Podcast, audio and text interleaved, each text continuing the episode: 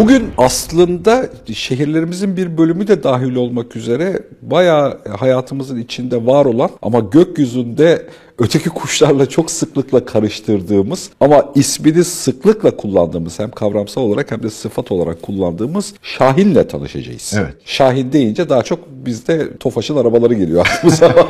Arka tarafta. O da oradan esinler. O da orada oradan gelme. Şahinler spesifik avcı kuşlar. Yani hani değişik özellikleri var ve yaygınlar da bu arada. Oldukça yaygın. Hem e, Türkiye topraklarında hem de dünyanın her yerinde birçok türle temsil edilen küçüklü büyüklü spesifik dediğin gibi avcı kuşlar içinde. Aslında bu avcı kuşlar grubu geniş bir yelpaze. Tabii. Yani mesela karga da bir avcı kuş Değil. sayılır mı? Yok. Ne ayırt ediyor onları? Ama karga da eti yiyor bu arada. Avlanıyor Ee, da. karga genel olarak diğer avcılardan farklı olarak leşçi fırsatçı bir kuştur. Kendisi ekstrem koşullar haricinde gidip de bir tavşan avlamaz. Birisinin avladığı tavşana ortak olur. Çöker. çöker.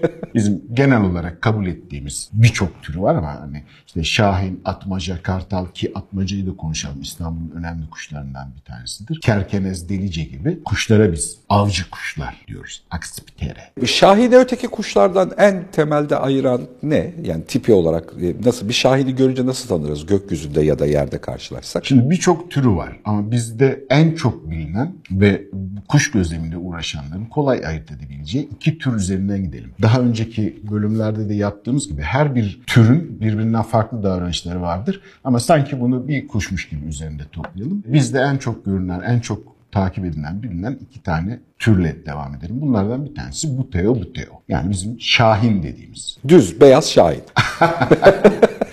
Beyaz demeseydik iyiydi. Ee, öbürü de Buteo rufinis, Kızıl Şahin. Genellikle bunlar yakından gözlemlenmesi zordur. Geçen gün gene başka bir kuş için gözlemlenmesi zordu dedim de biraz Robin.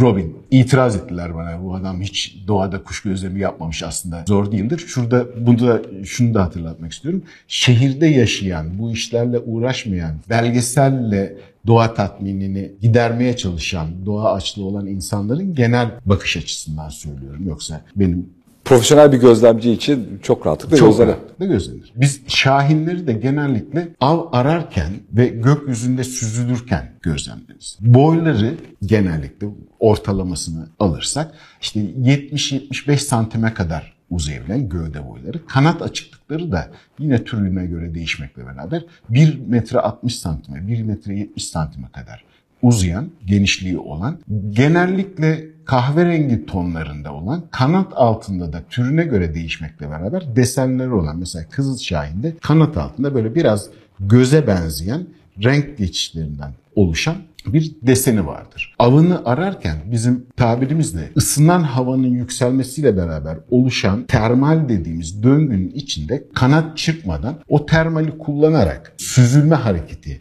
yapan diğer avcılarda da avcı kuşlarda da vardır bu. Ve avını gördüğü zaman direkt dalışa geçip yakalayan biraz gözlemlediğimiz zaman kanat yapısıyla, rengiyle diğer avcı kuşlardan rahatlıkla ayırt edebileceğimiz bir avcı türdür Buteo, Buteo ve Buteo rufinis. Aynı zamanda görme yetenekleri genel olarak avcı kuşlarda böyle galiba. Yüksek bir görme becerisi var. Tabii. Çünkü biz bunu dile de dönüştürmüşüz yani. Şahin gibi görüyorsun. Tabii şahin gözü. Evet oldukça yüksek çünkü davranışlarından kaynaklanıyor gene. Bu dedim ya termalde av bulmak için, enerji harcamamak için, kanat çırpmamak için yükselirler, aşağı inerler ve yüzlerce metre aşağıda bir avı görmesi gerekiyor. Çok iyi odaklanır. Bizden farklı olarak hızlandığı zaman o odağını değiştirmesi gerekiyor ya otomatik olarak çok hızlı yapar. Odağından asla ayrılmaz. Saatte işte 150-200 kilometre hızla giderken bile odaklandığı avı net olarak Odaklandığı da fare, tavşan falan. Yani hani şeyde koyuna kuzuya girmiyor tabii. değil mi? Yani e, spesifik olarak istisnaları var ama bizim bildiğimiz şahinlerin tamamı küçük memelilerle avlanmaya özelleşmiş. Özellikle de kemirgenlerle. Dünyanın neresine gidersen git hangi boyutta şahin olursa olsun küçüğü olur, büyüğü olur. Özellikle sanki böyle kemirgenlere karşı bir afiniteleri var ilgileri var. Yoğun kemirgen avcısıdır bunlar. İşte fareler, büyüğü, küçüğü, tarla faresi, cardını, tavşanı, sincabı bunları özellikle avlarlar. Yani buradan da çıkış noktası özellikle bizim şehir hayatında, şehir etrafındaki hayatta insan varlığını tehdit edebilecek kapasiteye sahip kemirgenler üzerinde baskı oluştururlar. Ha, bazı türleri vardır. Mesela ötücü kuşlarla da beslenir. Onları da avlar. Özellikle boyut olarak daha küçük olan türlerde ötücü kuşlara, başka kuşlara musallat olabiliyor. Onları da avlıyor. Boyut büyüdükçe tavşana kadar çıkıyor ama spesifik olarak küçük kemirgenlere özel ilgisi var. Bunun yılan avlayanı da var. Denk geldi mi avlıyor. Ama Şahin'in böyle bir şey var. Evrimsel olarak nasıl bir hikayeyle geliyor Sami? Yani hepsinin atası dinozor. O, Hepsinin hikayeyi- atası dinozor. Çok eski kayıtlara kadar fosillerini takip edebiliyoruz. Şahin veya şahin benzeri yırtıcı kuşların. Bana sorarsanız bunu da uydurma serbestliğimi kullanarak söylüyorum. Kuşların atası olan dinozorlardan gelen atasal kuşların avcılarla başladığı gibi bir hisse kapı- kapılıyorum ben. Yani oradan Yani önce kartal, şahin, atmaca gibi türler, sonra kargalar, robinler, gibi serçeler. bana bana öyle geliyor.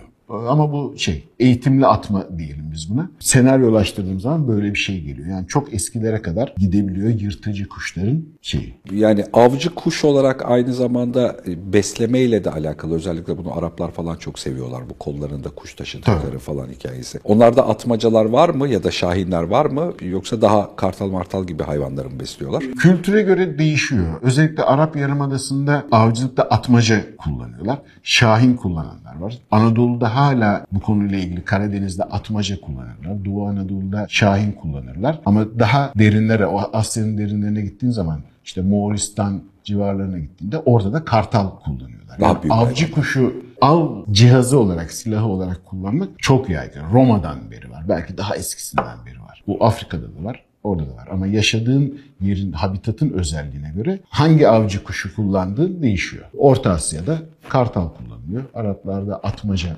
kullanılıyor. Şahin kullanılıyor. Çoğu kullanılıyor. Nasıl bir aile hayatı var? Yani hikayesi ne? Çok eşli, tek eşli, yumurtladığını biliyoruz. Yumurtluyor. Dinozor Dişileri- olunca yumurtluyor.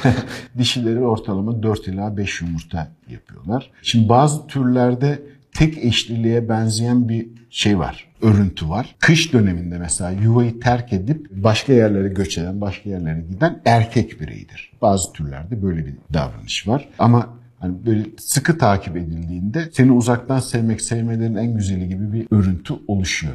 Tek eşliliğe yatkınlar ama erkek zaman zaman yuvayı terk ediyor. Yuvanın bakımı dişiye kalıyor. 4-5 yumurta yumurtluyorlar. Yaşadıkları bölgedeki produktiviteye göre, zenginliğe göre yumurtaların hepsi de çıkabiliyor. Ama tüm avcı kuşlarda da benzer örüntü vardır. Yumurtalar aynı anda açılmıyorlar. Birkaç gün arayla açılıyorlar. Ve ortamın av bereketine göre en güçlü olan ya diğer yavrulara tacizde bulunuyor, öldürüyor, beslenmesini engelliyor. Eğer bol av varsa da hepsi beraber erginleşebiliyorlar. Belli bir zamana kadar anne kuluçkadayken avlanma işi erkek şahine düşüyor. O avlanıyor. Yumurtalardan yavrular çıktıktan sonra erkek bir süre daha avlanmasına Destek oluyor. destek oluyor. Ama daha sonra yuvanın asıl avcısı her zaman dişi oluyor. Bu ne zamana kadar? Artık yavru şahinlerin uçma tüyleri oluşmaya başladığında anne huysuzlaşmaya başlıyor. Ya az av veriyor ya av vermiyor. Onları mesela uçmaya teşvik ediyor yemekten keserek.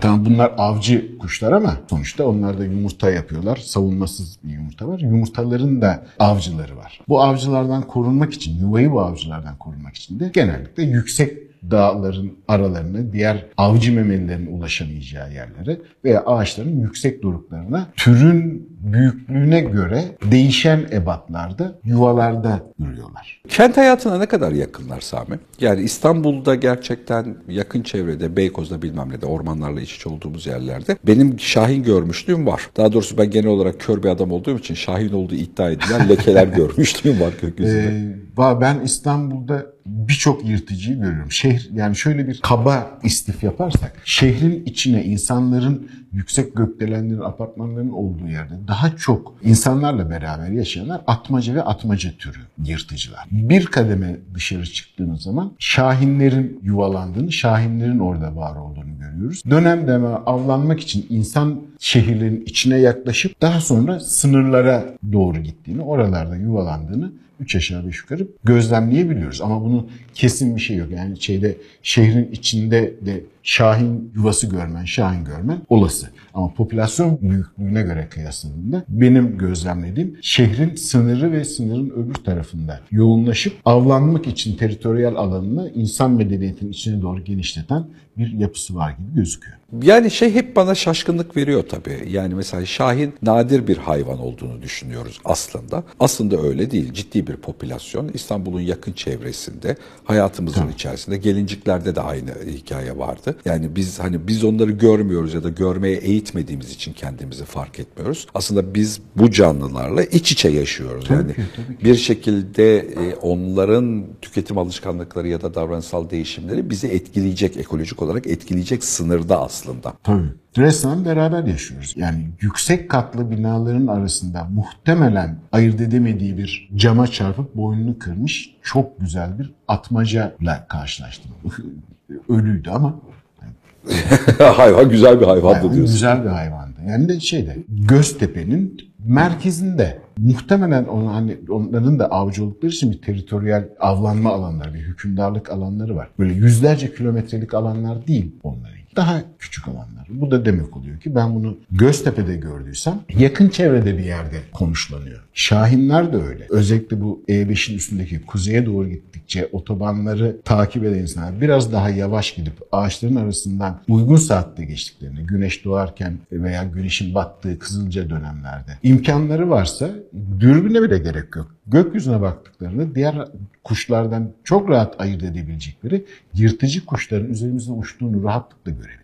Sadece bunu bununla bir miktar ilgilenmek. Bunu birazcık fark etmek gerekiyor evet. Efendim teşekkür ediyorum bizi Şahinlerle tanıştırdığın için. Efendim ben teşekkür ediyorum. Bir zaman sonra belki Doğan görünümlü şahin, Olur. beyaz şahin, Atmacalara, kartallara doğru geçeceğiz. kartallara doğru geçeriz. Kötü şakamızı da yaptığımıza göre videomuzu sonlandırabiliriz. Görüşürüz.